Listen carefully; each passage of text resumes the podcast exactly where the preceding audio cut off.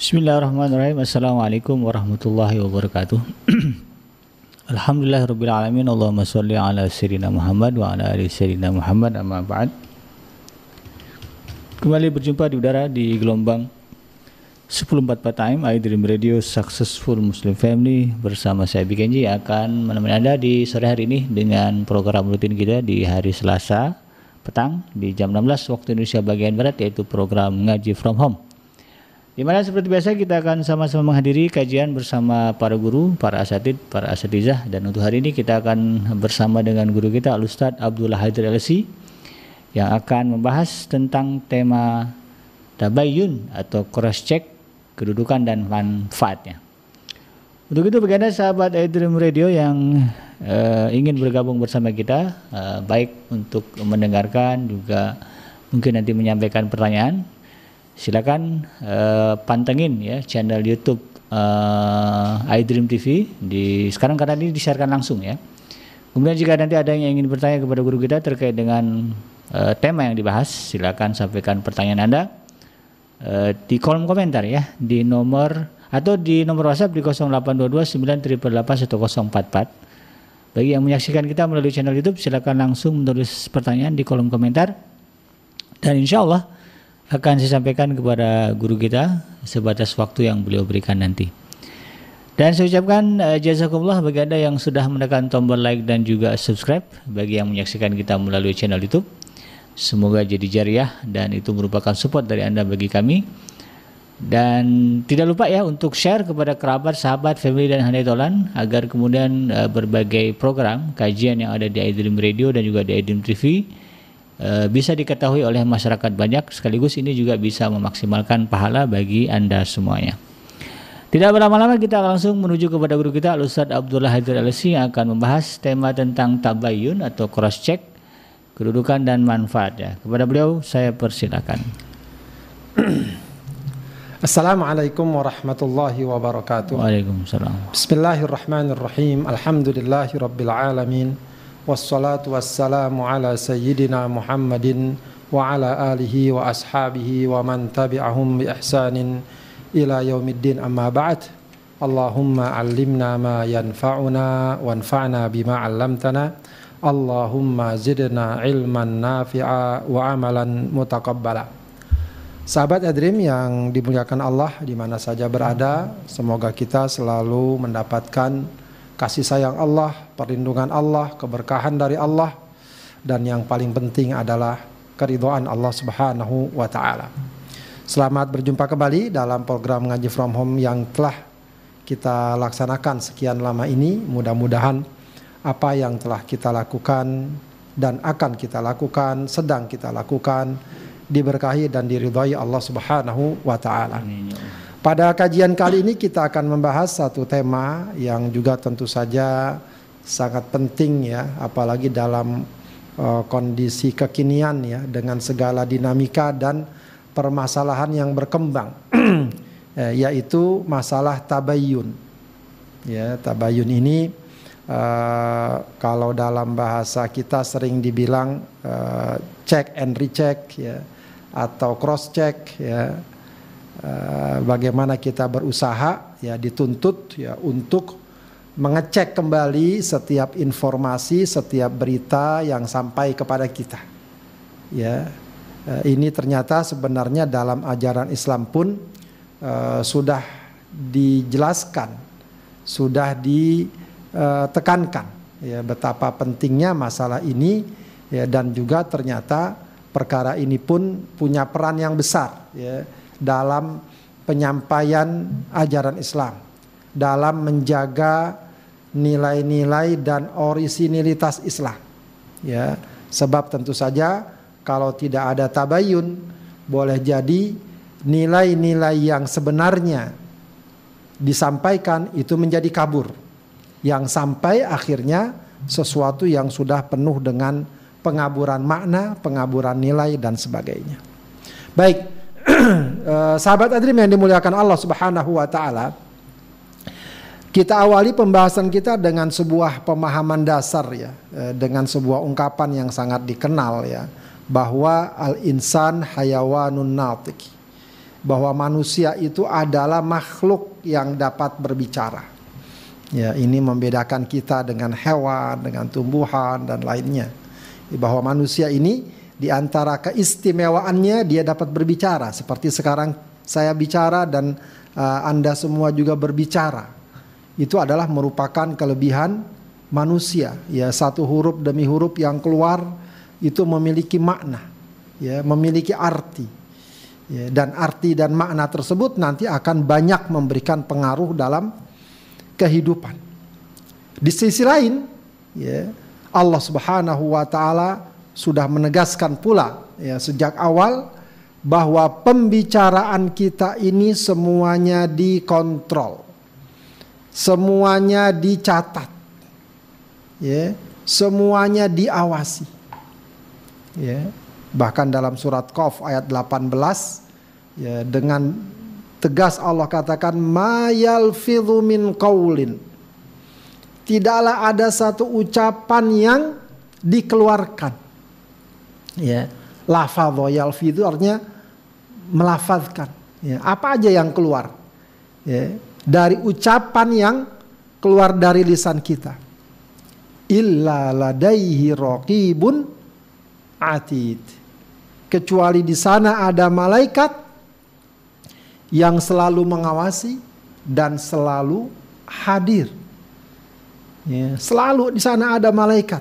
Setiap ucapan kita yang keluar sekarang nih apa yang keluar dari mulut saya dan mungkin Anda nanti juga berbicara itu semua ada malaikat yang selalu melihat, mengawasi apa yang kita ucapkan, apa yang kita bicarakan, apa yang kita sampai sampaikan.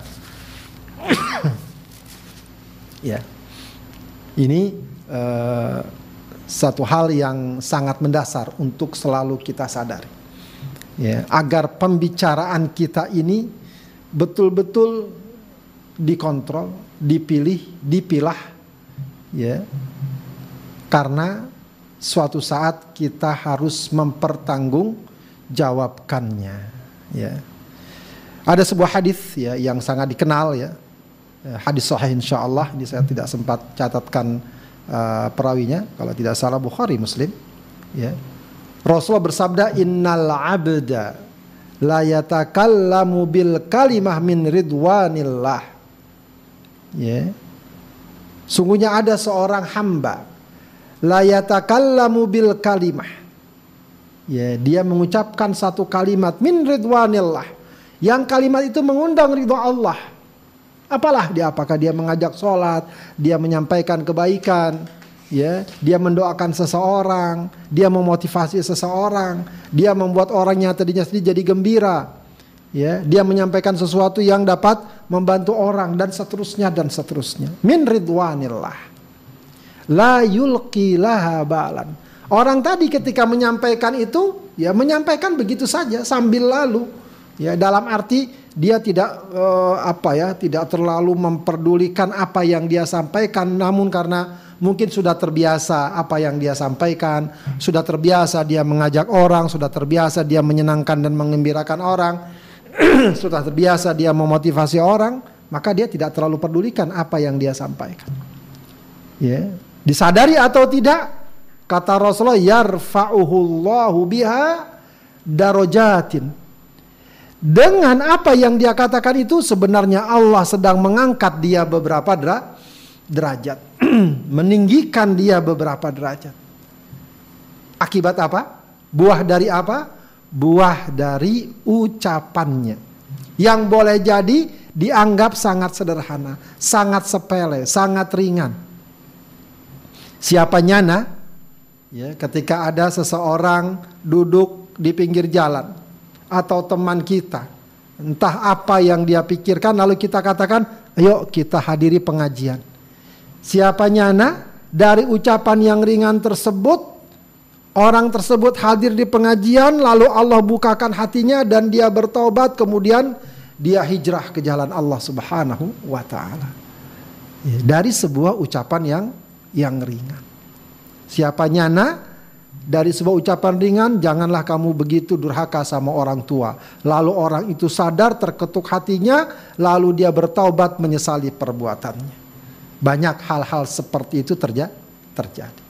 Kebalikannya kata Rasulullah, wa innal abda la yatakallamu bil kalimah min sakhatillah. Ya. Ada lagi seorang hamba kebalikannya mengucapkan satu ucapan, ucapan tersebut mengundang murka Allah. La yulqi laha balan. Dia pun tak peduli dengan apa yang dia ucapkan. Mungkin karena saking biasanya, saking seringnya, saking dia meremehkannya. Apakah itu ucapan dusta, apakah itu ucapan kesombongan, apakah itu ucapan yang dapat menjatuhkan martabat seseorang, atau apa saja. Disadari atau tidak, maka kata Rasulullah, Yahwi biha fi jahannam. Dengan ucapan tersebut akan membuatnya dimasukkan, dilempar dan dijerumuskan ke dalam neraka jahanam. Ya. Apa sumbernya? Ucapan. Sumbernya adalah perkata, perkataan, lisan kita. Ya, ini menggambarkan betapa lisan kita ini eh, betul-betul sangat menentukan dia bisa dengan mudah membuat kita masuk ke surga, mendapat derajat yang tinggi, tapi sebaliknya dia pun bisa dengan mudah membuat kita dicampakkan ke dalam neraka dan mendapatkan kepedihan dan kehina kehinaan. Ya. Dalam kehidupan nyata betapa sering kita lihat perkara ini. Ya, betapa sering kita lihat perkara perkara ini dari lisannya. Belum lagi yang lainnya orang nggak lihat mungkin perbuatannya apa, tapi lisannya sudah kelihatan. Ya, sudahlah bisa jadi ada orang yang uh, dianggap mulia dan terhormat, ada orang yang dianggap tercela dan hina karena apa? Karena lisannya. Nah, bagaimana lisan kita ini dapat ber, berkata baik atau dapat kita biasakan de, berkata dengan baik, menyampaikan dengan baik? Salah satunya, salah satunya apa? Terkait dengan sikap dan pengelolaan berita yang kita terima ya. Jadi ini salah satu yang kita bahas di sini. Ya. Jadi apa yang terucap dari kita ya, kalau sekarang bukan cuma terucap yang kita share, yang kita tulis dalam medsos, di medsos, di berbagai media yang ada itu salah satu permasalahannya adalah bagaimana kita menyikapi, menerima, mengunyah suatu berita. Jika cara kita menyikapinya, menerimanya, menyeleksinya itu baik, ya, itu apa namanya maksimal, maka insya Allah yang tersampaikan dari kita pun akan menjadi baik, akan menjadi kebaikan, akan menjadi manfaat. Sebaliknya, ya kalau kita ceroboh dalam hal ini, semua berita yang masuk lalu kita lempar lagi, kita omongin lagi, kita sampaikan lagi, ya, tak ada sama sekali tabayun, tak ada sama sekali upaya untuk menyeleksi, menyaring. Ya, ini yang justru disadari atau tidak bisa jadi orang nggak sadar kalau dia melakukan keburukan. Yang dia mau adalah kebaikan, namun karena permasalahan ini tidak dikelola dengan baik, tidak ada proses tabayun yang diajarkan, ya sering kali yang terjadi adalah ya, keburukan atau efek negatif. Patut kita pahami ya pada masa sekarang ini, ya, masa sekarang ini secara khusus. Ya. Jadi kalau masa dahulu pun sudah diingatkan untuk hati-hati menerima informasi untuk disampaikan, apalagi sekarang sekarang ini dikenal dengan istilah abad informasi.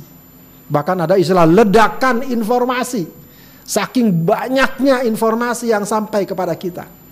Ya, dulu mungkin ya waktu kita masih kecil, ya, ini kalau yang udah tua-tua nih ya.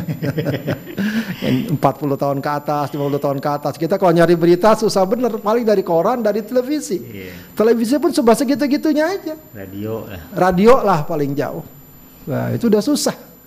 Ya, belum ada internet, belum ada Facebook segala macam. Ya. nah, kebalikannya sekarang.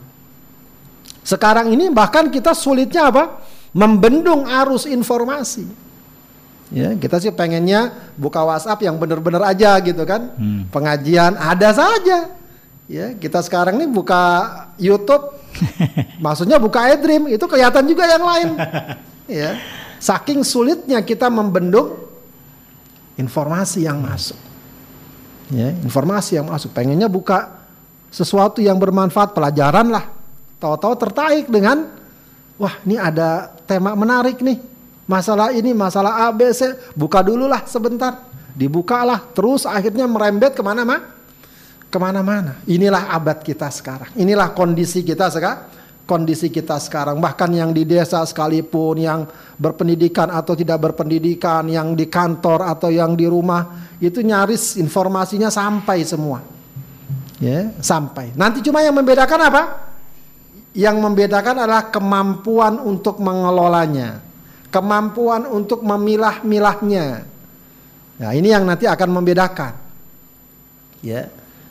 Nah, kalau dia mampu mengelola, memilahnya, menyeleksinya, menyaringnya, ya maka insya Allah akan terhindar dari berbagai macam keburukan. Tapi kalau tidak mampu, ya, maka ya sebagaimana yang sering kita saksikan, ya, sering timbul fitnah, sering timbul berbagai macam berita-berita atau pandangan-pandangan negatif ya apalagi sekarang ya di saat-saat pandemi seperti sekarang ini. Atau apa saja peristiwa-peristiwa besar yang terjadi di tengah masyarakat, isu-isu besar yang terjadi di tengah masyarakat biasanya juga diiringi dengan berbagai macam isu-isu tambahan ya yang kadang-kadang ya, bukan sesuatu yang menjadi isu sebenarnya ya bukan sesuatu yang hakiki Ya, tapi karangan tambahan ya, ada yang memang sengaja membuat isu-isu tertentu untuk berbagai macam kepentingan lah. Entah kepentingan bisnis, entah kepentingan politik, entah dendam pribadi dan lain sebagainya. Dilemparlah isu tersebut ya, ketika dia sampai kepada orang yang tak mampu mengelola berita dengan baik ya, atau dengan kata lain tabayun, ya, jadilah dia e, isu liar ya, yang kemudian nanti akan melebar ke mana-mana ke mana-mana. Baik, sahabat hadirin yang dimuliakan Allah, kata tabayun itu berasal dari kata bayan atau al-bayan, artinya jelas atau penjelasan. Maka tabayun itu maknanya adalah kita mencari kejelasan dari sebuah berita yang sampai. Berita ini sampai kepada kita. Wah begini A, B, C. Wah ini gimana sebenarnya? Benar nggak begini? Kalau benar persis nggak masalahnya dengan kasus ini dan seterusnya. Ya, jadi kadang-kadang ada berita, foto lah yang paling gampang. Ini fotonya bener nggak? Ya, kalau sekarang kan banyak tuh di apa namanya direkayasa, ada Photoshop segala macam. Bahkan video sekalipun bisa direkayasa. Ya, dengan teknik tertentu. Oke, oh ternyata fotonya benar. Ya, videonya benar. Ternyata bisa jadi narasinya nggak benar gitu ya. Itu sering terjadi ada juga kasus. Ya, ada orang ngomong biasa bahasa asing. Bahasa asing apalagi kalau bahasanya susah ya atau bahasa umumnya orang nggak paham, apakah bahasa Rusia, bahasa Ibrani, bahasa apa. Lalu diterjemahkan dengan terjemah yang berbeda. Yang berbeda, itu mungkin. Itu mungkin. Ya, ini memang kita akan wah ini berat juga. Iya, memang berat. Ya. Berat. Ya, dibuatlah satu berita lalu dinarasikan dengan berita yang berbeda. Ya, ini yang tidak jarang terjadi. Makanya penting pada masa kita sekarang ini berita-berita yang ada, info yang ada, ya mau tidak mau kita harus berulang kali pelan-pelan menyikapinya, uh, memahaminya, apalagi perkara-perkara yang sangat sensitif, yang sepintas bombastis, ya dan katakanlah berlawanan dari arus atau pemahaman mainstream yang ada. Wah, itu yang uh, juga uh, biasanya kita uh, layak untuk memberikan perhatian. Baik, dalam Al-Quran bagaimana masalah tabayun? Ada satu ayat yang sangat dikenal ya, cukup di, dan sering dikutip. Surat Al-Hujurat ayat 6. Allah berfirman, Ya ayyuhalladzina amanu. Wahai orang yang beriman, idza ja'akum fasikum binaba'in fatabayyanu wahai orang yang beriman jika datang kepada kalian seorang fasik Fasik di sini bukan berarti orang durhaka tidak, ya manusia secara umum fasik di mana dengan makna umum adalah orang manusia ya bahwa kita ini kan juga ada apa potensi fasik dalam arti berbuat dosa, berbuat maksiat. Ya, fasikun binabain. Dia datang menyampaikan satu berita. Antusibu ya, fatabayyanu ya, fatabay fatabayyanu. Nah, ini yang dari kata-katanya kemudian istilah tabayyun. Ya, jadi tabayun itu juga ada dalam Al-Qur'an permasalahannya. Antusibu ya. Apa fungsinya tabayun? Antusibu kaumam bijahalatin agar kalian jangan menimpakan satu kaum ya, menyebabkan satu kaum terkena masalah bijahalah akibat ya ketidaktahuan kalian fatus bihu ala ma fa'altum nadimin akhirnya kalian menyesal atas perbuatan yang kalian lakukan Ya. Jadi di antara, uh, fungsi tabayun yang sangat kuat adalah jangan sampai gara-gara informasi yang kita terima tidak benar, lalu kita percaya, lalu kita sikapi, akhirnya kita melakukan tindakan yang tidak semestinya kepada pihak tertentu, kepada orang tertentu, padahal sikap kita sikap kita salah. Dari mana sumbernya? Dari berita yang tadi tidak kita tabayun. Ya. Rupanya ayat ini itu ada salah ada sebab turunnya, asbabun nuzulnya. Ya.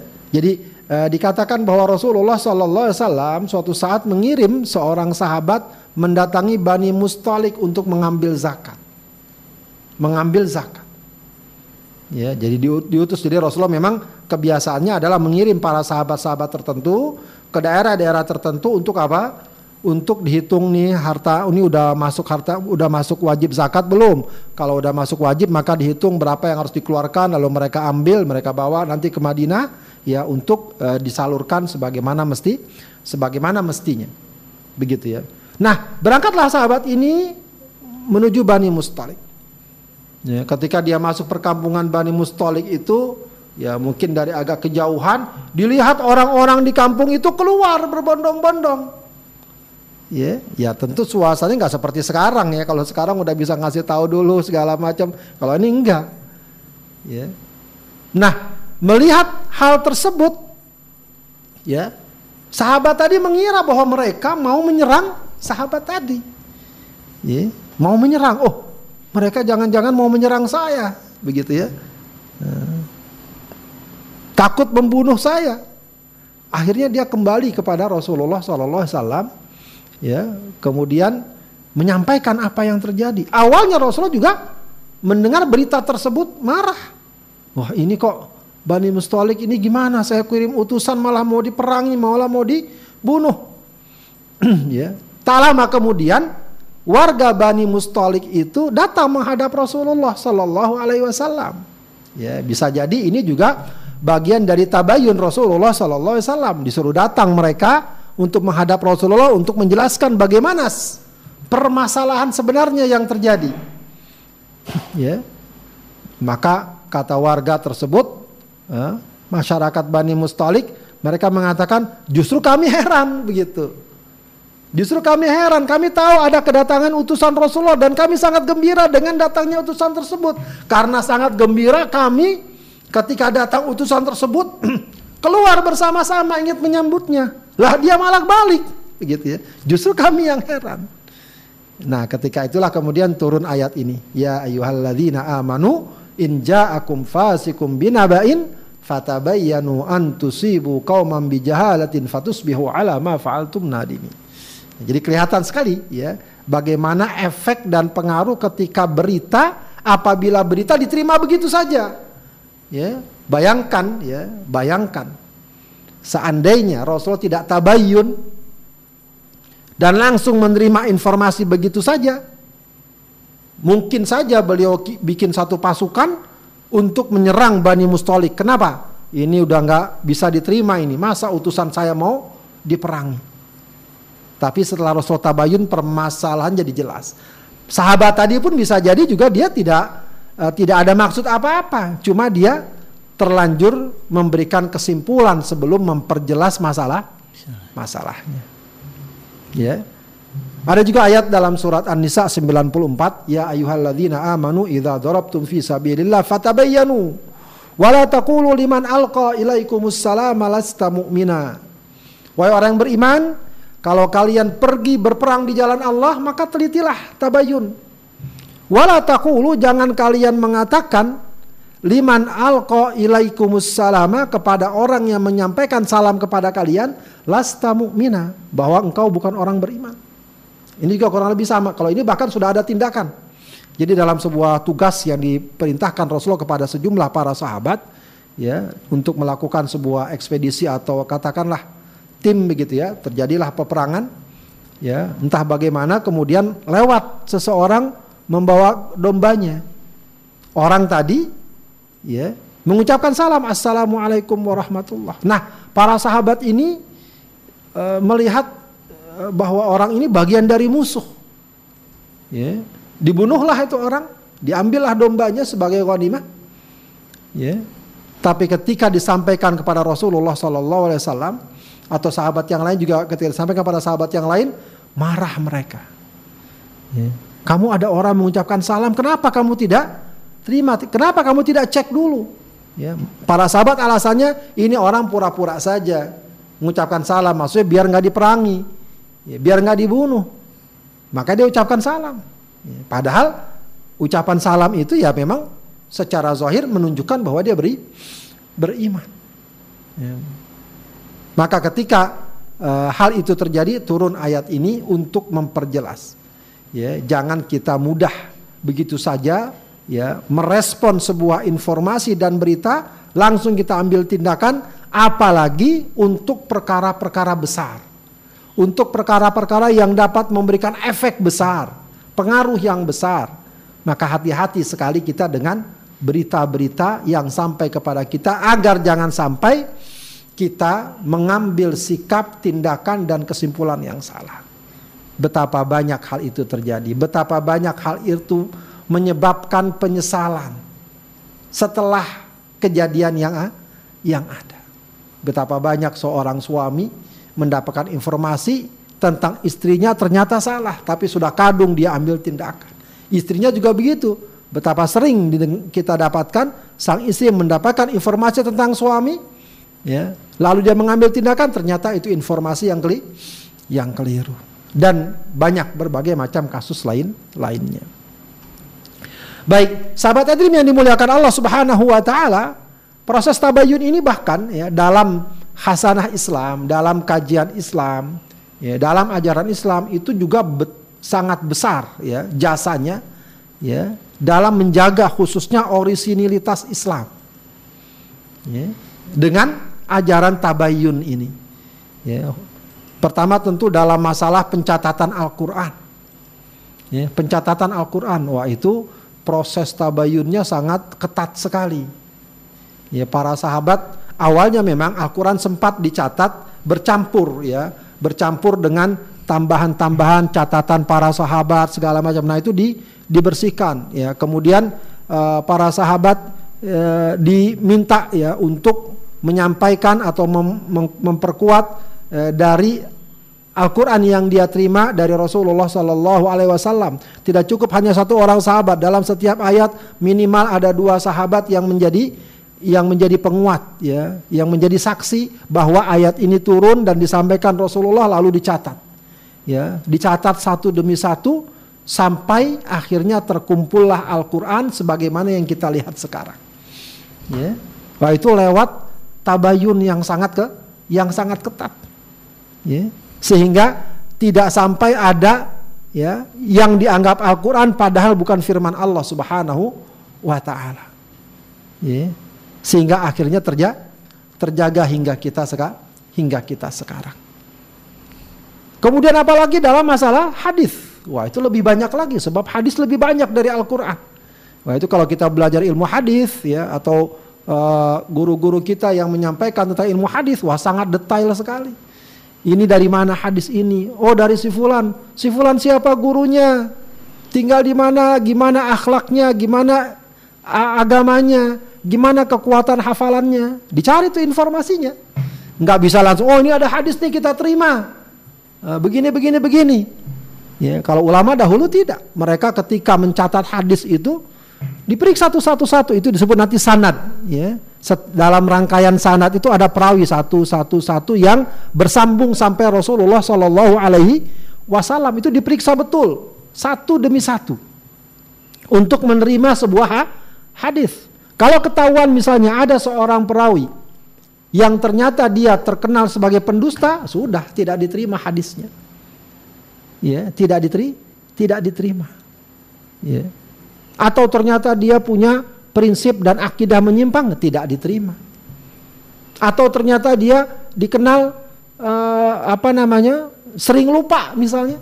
Ya bisa menurunkan derajat hadisnya. Begitu ya.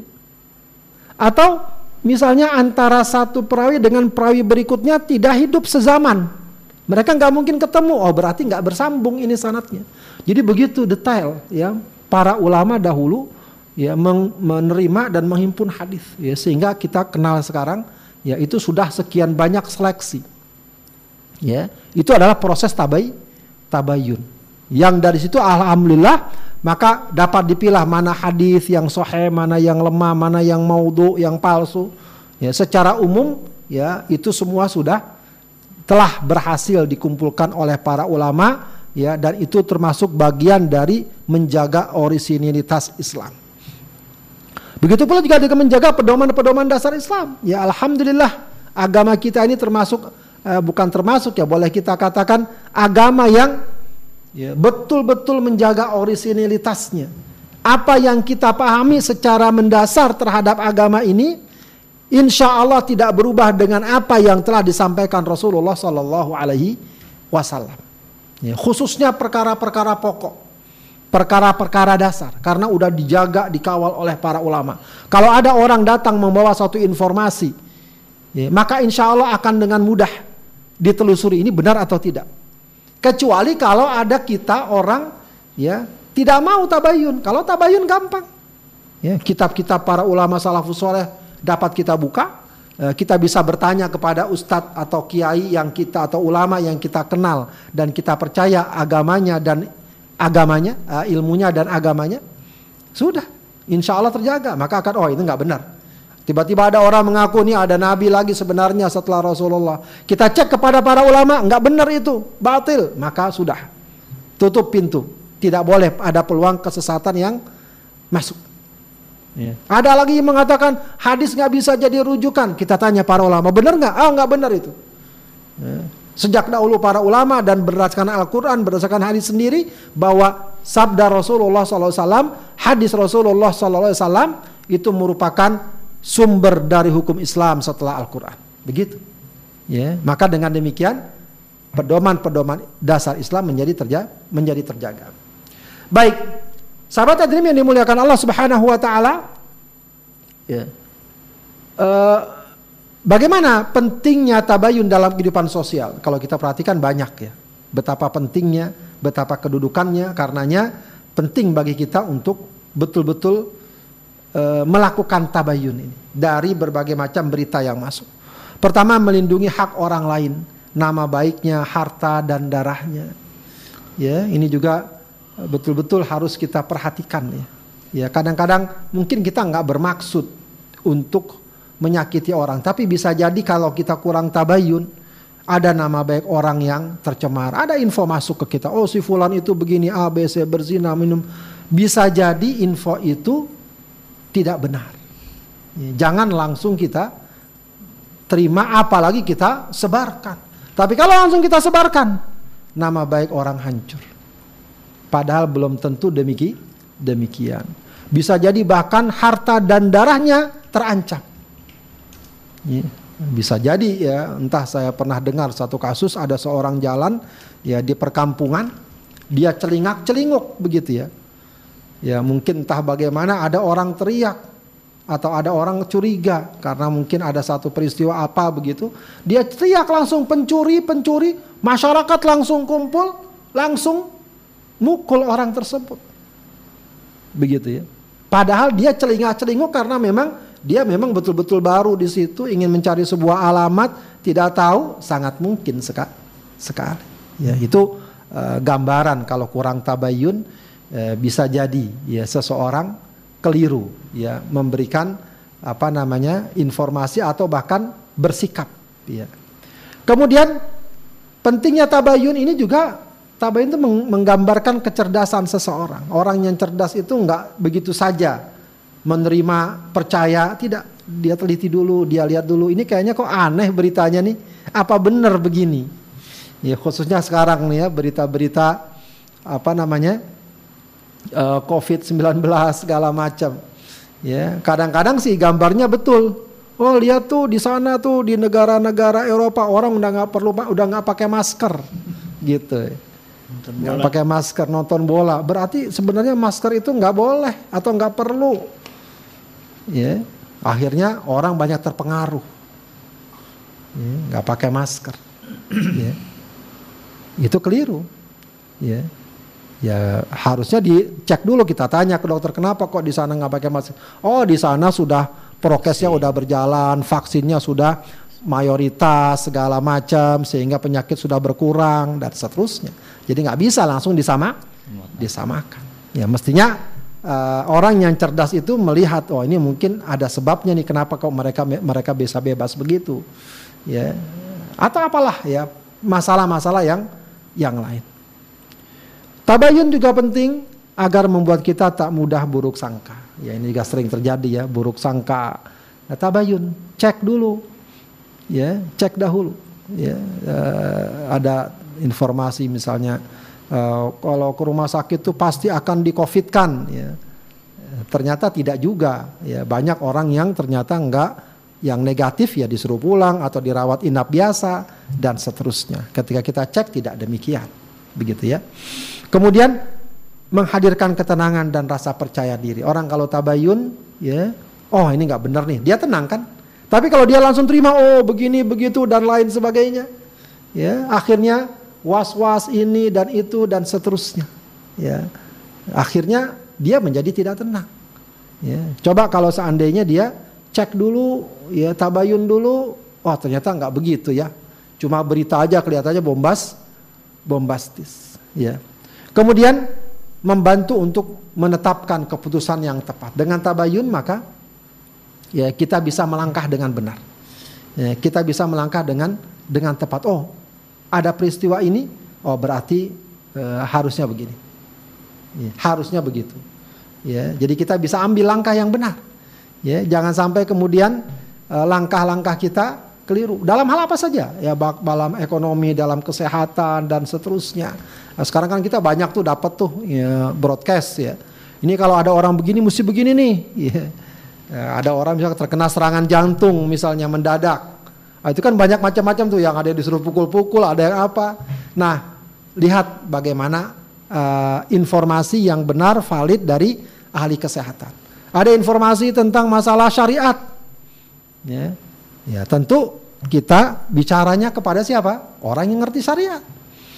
Ya, jadi jangan kemudian ditukar-tukar. Ya, masalah mobil ya ngerti yang ngerti mobil, kemudian kendaraan. Ya. Yang ngerti uh, mekanik, ya, montir dan semacamnya. Begitu. Jadi agar kita bisa mengambil keputusan yang yang tepat. Ya. Setelah kita melakukan tabai tabayun. Begitu.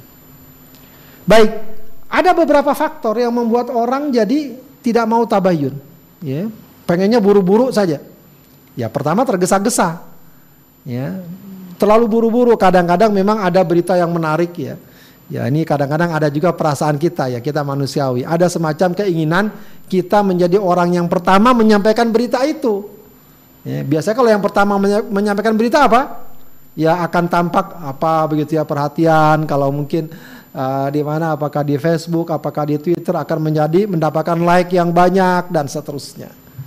Ya, tergesa-gesa, buru-buru. Atau memang berita itu sangat menarik ya sehingga kita jadi uh, apa namanya segera sampaikan. Ya, segera sampaikan. Ya, padahal patut tabayun juga. Ya, yang mungkin sering terjadi ada berita kematian. Si fulan apalagi kalau tokoh besar ya, si fulan wafat Padahal bisa jadi itu baru isu. Ya, karena ini berita besar langsung kita sampaikan. Padahal coba tunda beberapa saat ya. Kalau memang ternyata sudah ada berita yang lebih valid, bolehlah begitu ya. Kalau belum tahan dulu. Ya, tahan dulu. Tahan dulu cari oh, cari informasinya. Oh si fulan wafat, kita tanya keluarganya kalau bisa, tanya dekat teman dekatnya dulu kalau bisa dan seterus dan seterusnya. Ya, nah itu sering juga terjadi. Ya. Atau kurang wawasan. Ya, wawasan perlu kita perluas lagi ya kita perlu perbanyak perbanyak lagi ya e, bagaimana eh, berita-berita ini kadang-kadang sangat tidak masuk akal. Ya sangat tidak masuk tidak masuk akal. Kalau wawasan kita benar dan ba dan bagus.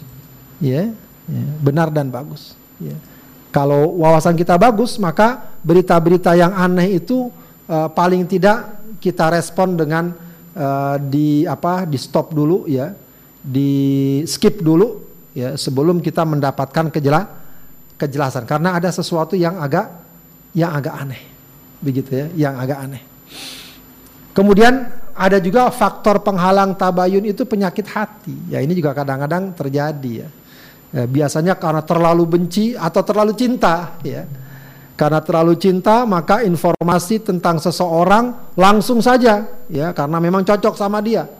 Ya, padahal bisa jadi mungkin belum belum tentu. Atau kebalikannya terlalu benci. Oh, ada berita nih yang menjelekkan seseorang.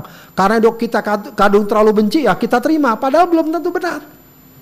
Ya, belum tentu belum tentu benar. Jadi ini juga patut kita bersikap objektif ya. Objektif. Ini memang kadang-kadang berat ya. Ya, kadang-kadang uh, kita uh, mudah menerima berita keburukan terhadap orang yang kita benci. Atau mudah menerima berita kebaikan terhadap orang yang kita suka. Padahal berita-berita tersebut bisa jadi tidak benar. Ya, apa mau dikata? Walaupun kita hormat orang tersebut, kita muliakan orang tersebut, ya, tapi ada berita tentang kebaikannya. Jika tidak benar jangan. Ya, jangan kemudian kita uh, lemparkan atau kita uh, pahami atau kita sebarkan. Ya, atau kita sebar atau kita sebarkan. Kadang ada ya. uh, karena ada orang figur bagus begitu ya. Lalu ada uh, konten tertentu ya katakanlah biasanya uh, apakah tulisan. Nah, ini yang sering terjadi. Tulisan. Nah, tulisan ini biasanya karena agar agar mau agar apa namanya mudah diterima orang ditambahkan penulisnya seakan-akan si fulan tokoh tertentu. Padahal ketika di cross check mengatakan, oh enggak, kami saya nggak punya tulisan itu. Ya, dicatut namanya begitu.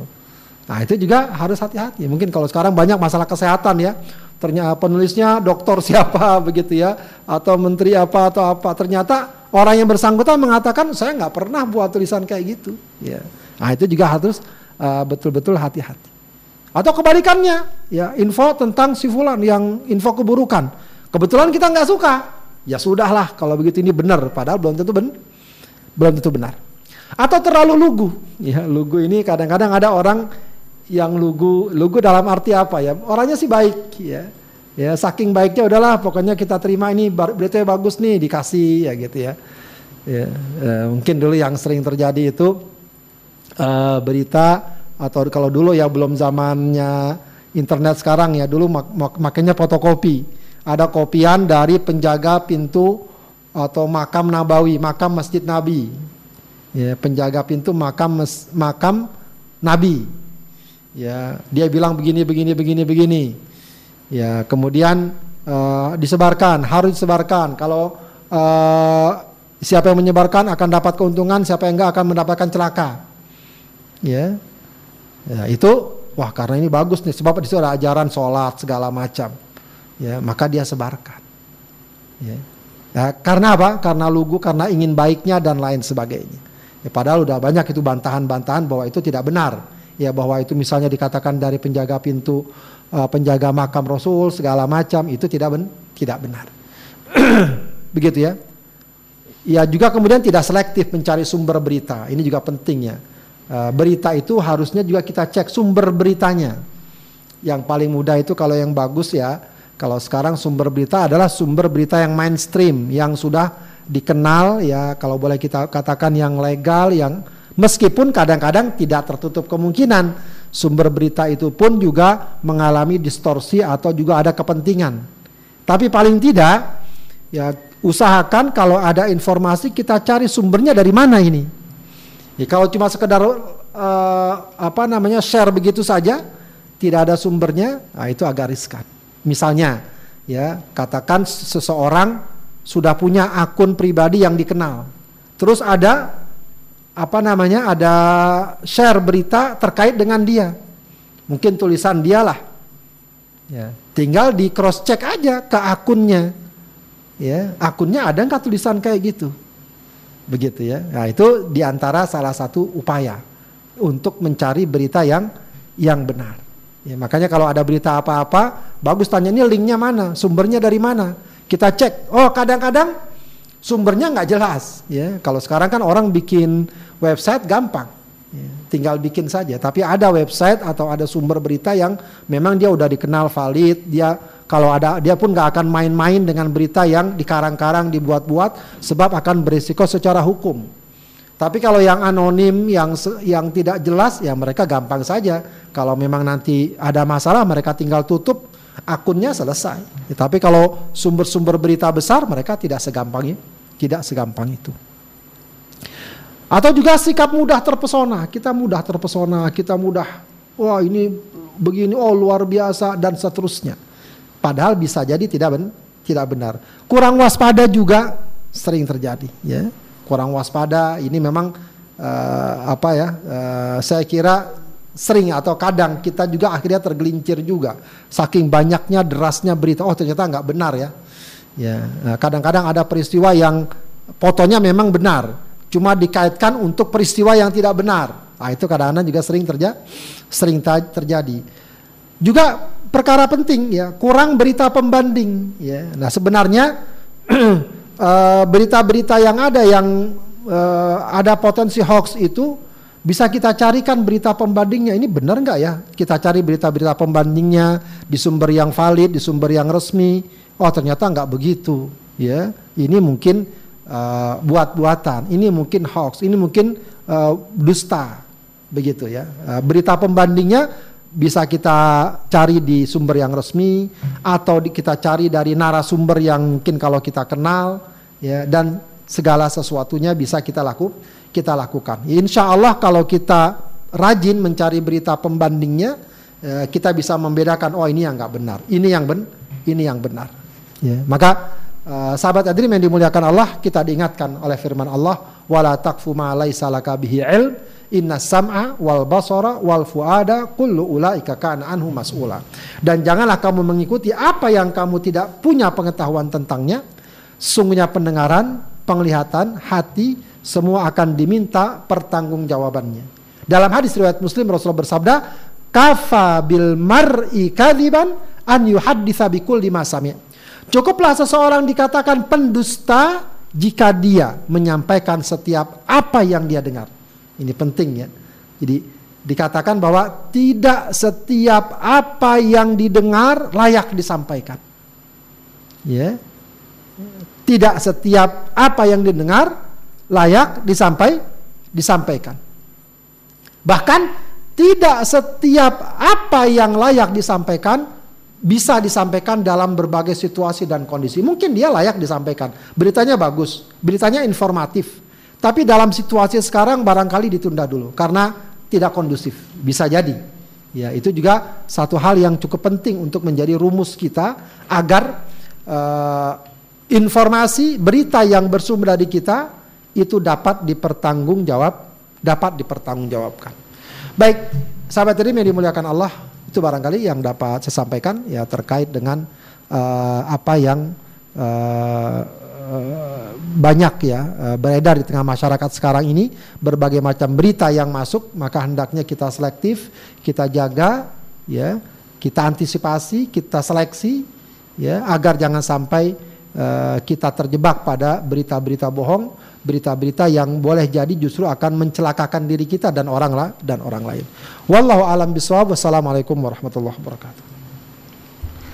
Waalaikumsalam warahmatullahi wabarakatuh. Kita ucapkan jazakumullah kepada Ustaz Abdul Hadir Alsi yang sudah memaparkan tema tentang tabayun atau cross check eh, kedudukan dan manfaatnya dan mudah-mudahan ini jadi ilmu bagi kita dan jadi amal soleh untuk beliau.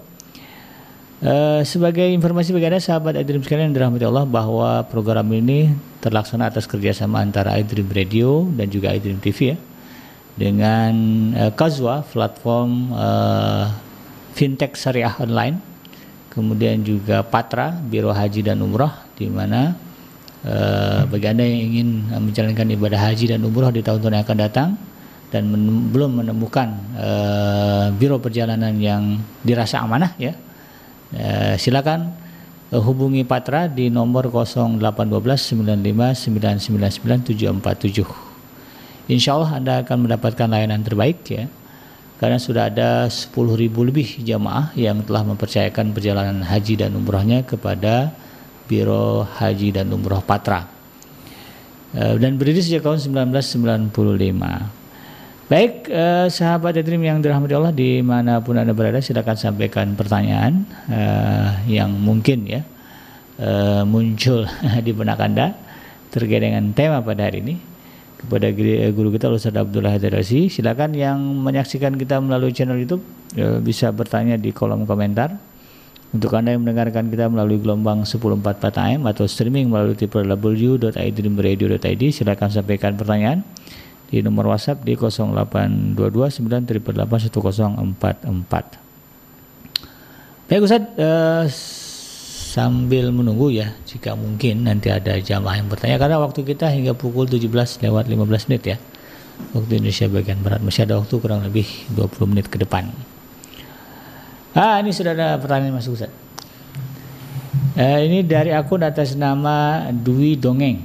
Assalamualaikum warahmatullahi wabarakatuh Ustaz mau bertanya, bagaimana bila seorang pendongeng, seorang pendongeng anak yang sedang menceritakan sebuah cerita fiktif dalam rangka menyampaikan nilai-nilai kebaikan, termasuk pendustakah? Ya, ya, itu banyak dibicarakan oleh para ulama ya. terkait dengan kisah fiktif. Ya, kisah fiktif itu kalau seandainya tidak mengandung unsur ya uh, ajakan atau seruan kepada kekufuran, kemusyrikan dan lain sebagainya, apalagi dia memang fokusnya untuk anak-anak dan lain dan semacamnya, hmm. tidak mengapa insya Allah ya uh, karena uh, apa namanya uh, termasuk yang juga dikaitkan dalam hal ini para ulama mengaitkan dengan kisah-kisah Israiliyat oh. yang uh, apa namanya di dalamnya juga tidak uh, di, uh, Rasulullah katakan uh, hadis wala harot sampaikan saja ya tidak harus dipercaya sekian rupa tapi juga tidak perlu diingkari sekian ru sebegitu rupa begitu ya, ya jadi kalau memang uh, di sana uh, apa namanya bebas dari katakanlah ajakan kekufuran, ajakan kemusyrikan dan lain sebagainya dan juga tokohnya fiktif. Ya, jadi jangan pakai kisah fiktif dengan tokoh yang nyata nyata tapi kayak karena apa kisahnya dibuat-buat yeah. nah itu nggak boleh ya, kalau tokohnya nyata ya misalnya tokohnya nyata apalah sahabat begitu ya hmm. atau nabi lalu dibuat kisah fiktifnya yang hmm. ada kisah barunya atau memang nggak nggak terjadi pada orang tersebut nah itu nggak boleh ya. ya tapi kalau tokohnya nyata ya berarti kisahnya memang harus nyata atau sebagaimana yang uh, valid begitu ya tapi kalau fiktif berarti tokoh-tokohnya tokoh-tokoh fiktif yang penting tidak ada sesuatu yang apa namanya melanggar uh, syariat atau ajakan kepada perbuatan tercela, ya, tapi yang disampaikan uh, adalah uh, sifat-sifat keba kebaikan ya, moral yang bagus, pesan-pesan yang positif itu tidak mengapa insya Allah. Wallahu a'lam. Kalau konteksnya orang tua nakut-nakutin anak, tapi bohong gimana sih? ya, bohongnya itu yang masalahnya. ya nakut-nakuti nggak secara psikologis nggak bagus ya. Nah, tidak bagus. Misalnya apa? Uh, jangan keluar habis maghrib. Jangan nah. keluar. Ya kalau Dia ada kalau wewe, ah, itu tuh. Sebenarnya jangan keluar misalnya bagus. Ya. itu ajaran Islam. Tapi ya. jangan debat. Cuma ada tambahan wewe. ada kolong wewenya, ada apa? Itu yang kadang-kadang patut diperbaiki. Yang bagus adalah uh, eh, sampaikan segala sesuatu dengan logis ya agar anak juga berpikir dengan ba baik. dengan baik begitu ya. Hmm, gini gak boleh. Atau ada ada tukang es krim lewat, apa tuh pak? Gak enak, pahit. Nah boleh nggak? apa pahit Ya misalnya tukang es krim lewat, dari anak kan kalau makan es krim terus batuk, Ah. orang itu bilang apa tuh pak? Enggak itu tukang jamu pahit. Itu Ah, jangan nih ya boleh nggak? Oh, kalau kalau memang benar ya nggak apa-apa kalau jamu pahit mungkin kan kalau es krim pahit kan nggak mungkin Yang lewat tukang es krim.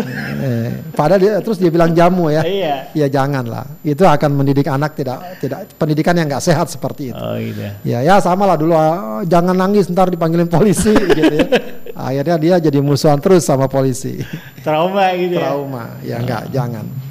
Jadi sebaiknya tidak boleh sering narasi sombong apa bohong dalam Ya, konteks- narasi bohong jangan. Tapi kalau kasus eh, tadi cerita dongeng Kalau masalah, fiktif tidak tidak mengapa Dengan ya. Dongeng tidak. misalnya hewan apa itu kan tidak mengapa, bagus saja. ya? Iya iya. Begitu ya untuk mendekatkan kepada uh, anak tersebut. Wallahu a'lam. Baik. Nah ini penting ya bagi eh, kita untuk tahu juga lah. Jadi mereka yang berprofesi sebagai pendongeng anak, wah ini jadi peluru lah, penyemangat ya.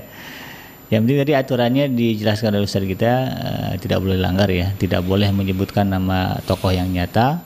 Kemudian kisah yang diangkat juga tidak mengandung unsur yang melanggar syariat ya, eh, baik dari sudut akidah maupun juga eh, yang lain-lainnya. Kalau bisa disebutkan konon ceritanya, ah, jadi clear ya ini cerita nih, bohong berarti ya, atau eh, kisah gitu ya. Baik Ustaz, Eh, nah ini eh, sambil nunggu yang lain Ustaz. Ini saya ingin bertanya Ustaz terkait dengan profesi Ustaz, profesi hari ini. Di zaman digital ini kan sudah banyak profesi-profesi baru yang bermunculan. Di antaranya ada yang disebut dengan buzzer. Nah, buzzer itu kan kerjaannya nyebarin, maaf Ustaz ya, apalagi di zaman eh, pemilihan umum, eh, pemilu atau pilkada, nah, itu ada istilah black campaign dan sebagainya, itu kan berita bohong Ustaz. Yang mau saya tanyakan, berprofesi sebagai buzzer yang sedemikian itu, nah, ini ancamannya apa Ustaz dari sudut syariah? Ya, ya buzzer itu kalau mau diartikan mana umum sebenarnya bisa positif bisa Iya, negatif iya. ya.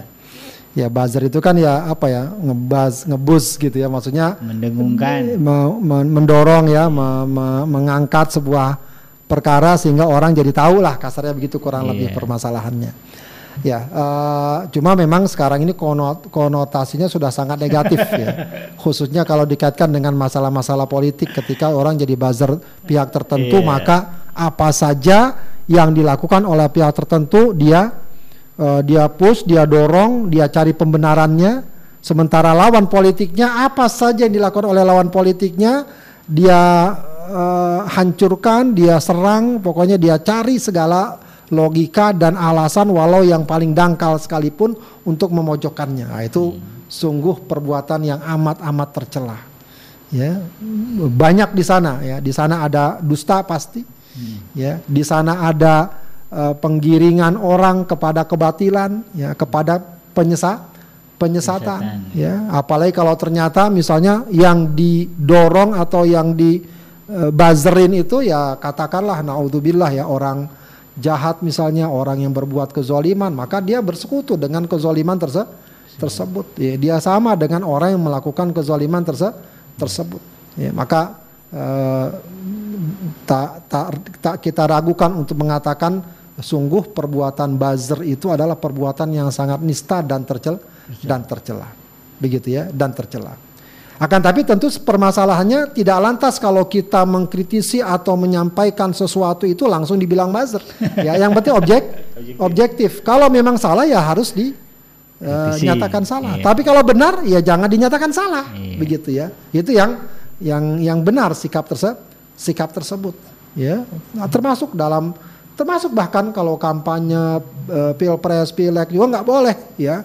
Tim ses boleh ya tapi jangan sampai menyebarkan berita bohong khususnya kepada lawan politiknya oh dia begini begini. Ya meskipun nanti kalau dalam dunia politik kan ada dua tuh ya.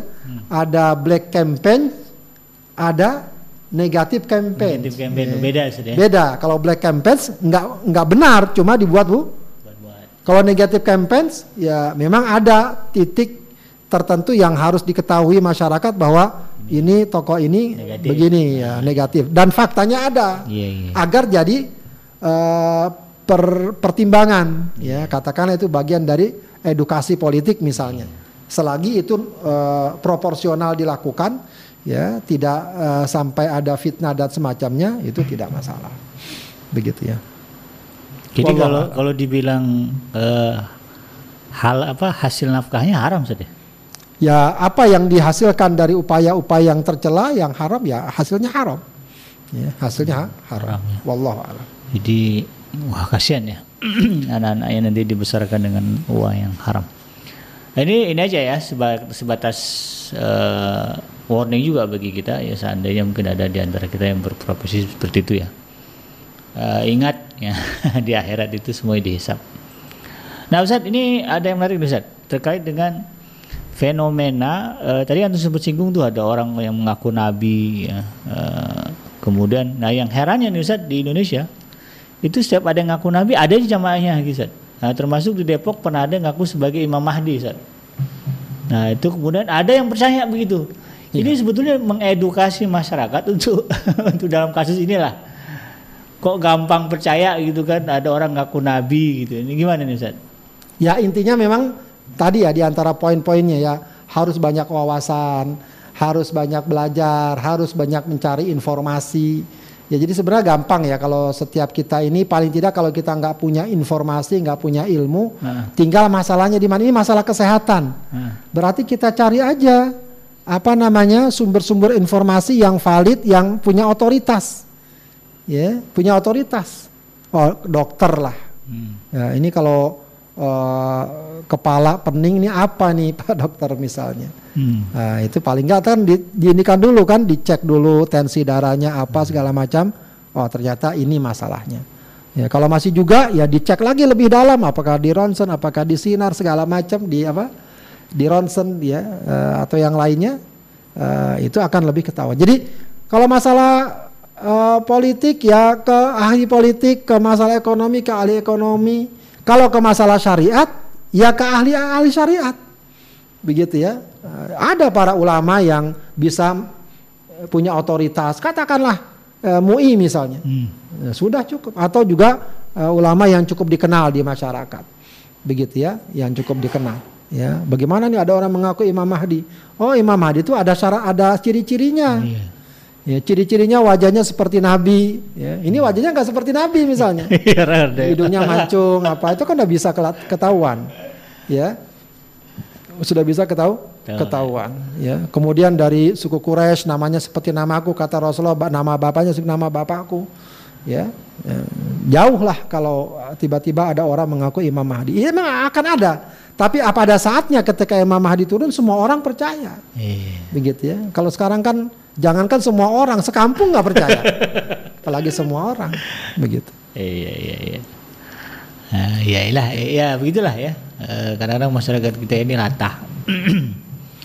Asal ada yang unik-unik ya langsung rame dan ikuti ya. Seperti ke, yang kasus yang kemarin-kemarin itu ya cerita babi ngepet Ustaz kan. Itu eh, ternyata hoax gitu kan. Dan biasanya berulang tuh Ustaz yang kayak gitu-gitu. Ya, intinya penting bagi setiap kita untuk terus ya, terus bukan cuma cukup dengan Iya. info yang lama, terus mengupdate. Iya, iya. Bisa jadi berubah, bisa jadi beru Berubah. berubah ya. Informasi tentang misalnya sekarang nih ya COVID-19, Ah. setahun yang lalu dengan sekarang sudah beru Berubah. sudah berubah. Beberapa informa, Informasi. beberapa informasi.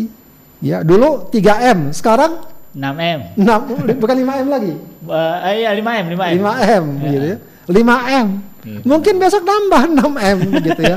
Jadi eh, patut juga update ya, diupdate berita-berita informasi kita update. Ya, eh, oh ini nggak benar. Oh sekarang itu dulu. Itu informasi kemarin tahun lalu. Ya, tahun ini beda.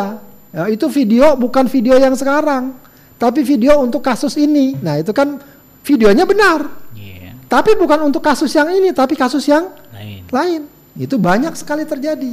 Nah, butuh sekali terus ya mengupdate, me- me- me- memilah berita dan seterus seterusnya. Nggak bisa kita pakai eh, sumber yang sama untuk kasus yang berbeda, Berbeda. untuk kasus yang berbeda. Begitu. Jadi intinya memang seorang muslim juga harus terus termasuk pemahaman agama kita terus disegar, disegarkan, disegarkan. Begitu ya. Eh, paling enak memang kita eh, aktif dalam misalnya majelis taklim. Nggak, kalau ada apa-apa tinggal nanya. Kan selesai sebenarnya. Nanya itu kan sederhana. ya. Cuma kalau tiba-tiba oh ini benar nih, udah saya ikut. Apalagi kalau ada kepentingan duniawi segala macam ya sudah. Gitu. Betul betul ya. Uh, mudah-mudahan ini jadi ini juga ya jadi warning bagi kita, jadi peringatan untuk kemudian tidak mudah uh, mengikuti hal-hal yang memang menyesatkan ya dan juga salah. Karena ujungnya nanti menyesal kan begitu. Nah, kalau udah menyesal repot. Baik Ustaz, uh, sepertinya tidak ada lagi penanya dan waktu juga sudah mendekati akhir. Sebelum ditutup, kita ingin mendengarkan closing statement dulu dari Antum terkait dengan tema pada hari ini, yaitu tentang tabayun atau cross check, kedudukan dan manfaatnya. Silakan. Ustaz. Baik, sahabat Adrim yang dimuliakan Allah Subhanahu wa taala, ya intinya memang e, sebenarnya ini pun juga bukan membutuhkan sesuatu keahlian yang sangat khusus ya.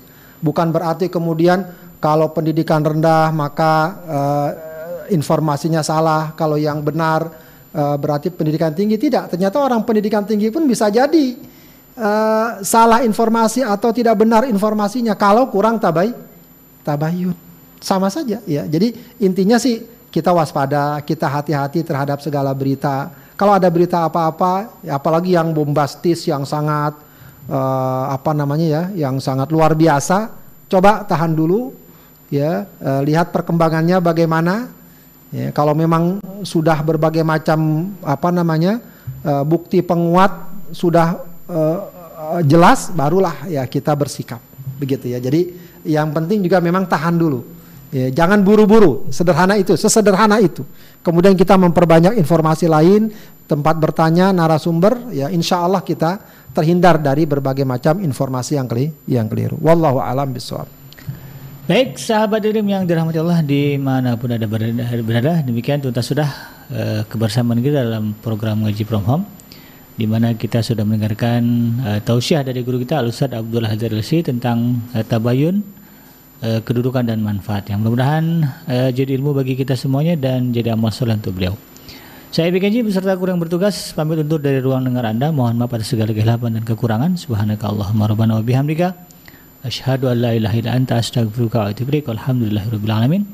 Wassalamualaikum warahmatullahi wabarakatuh.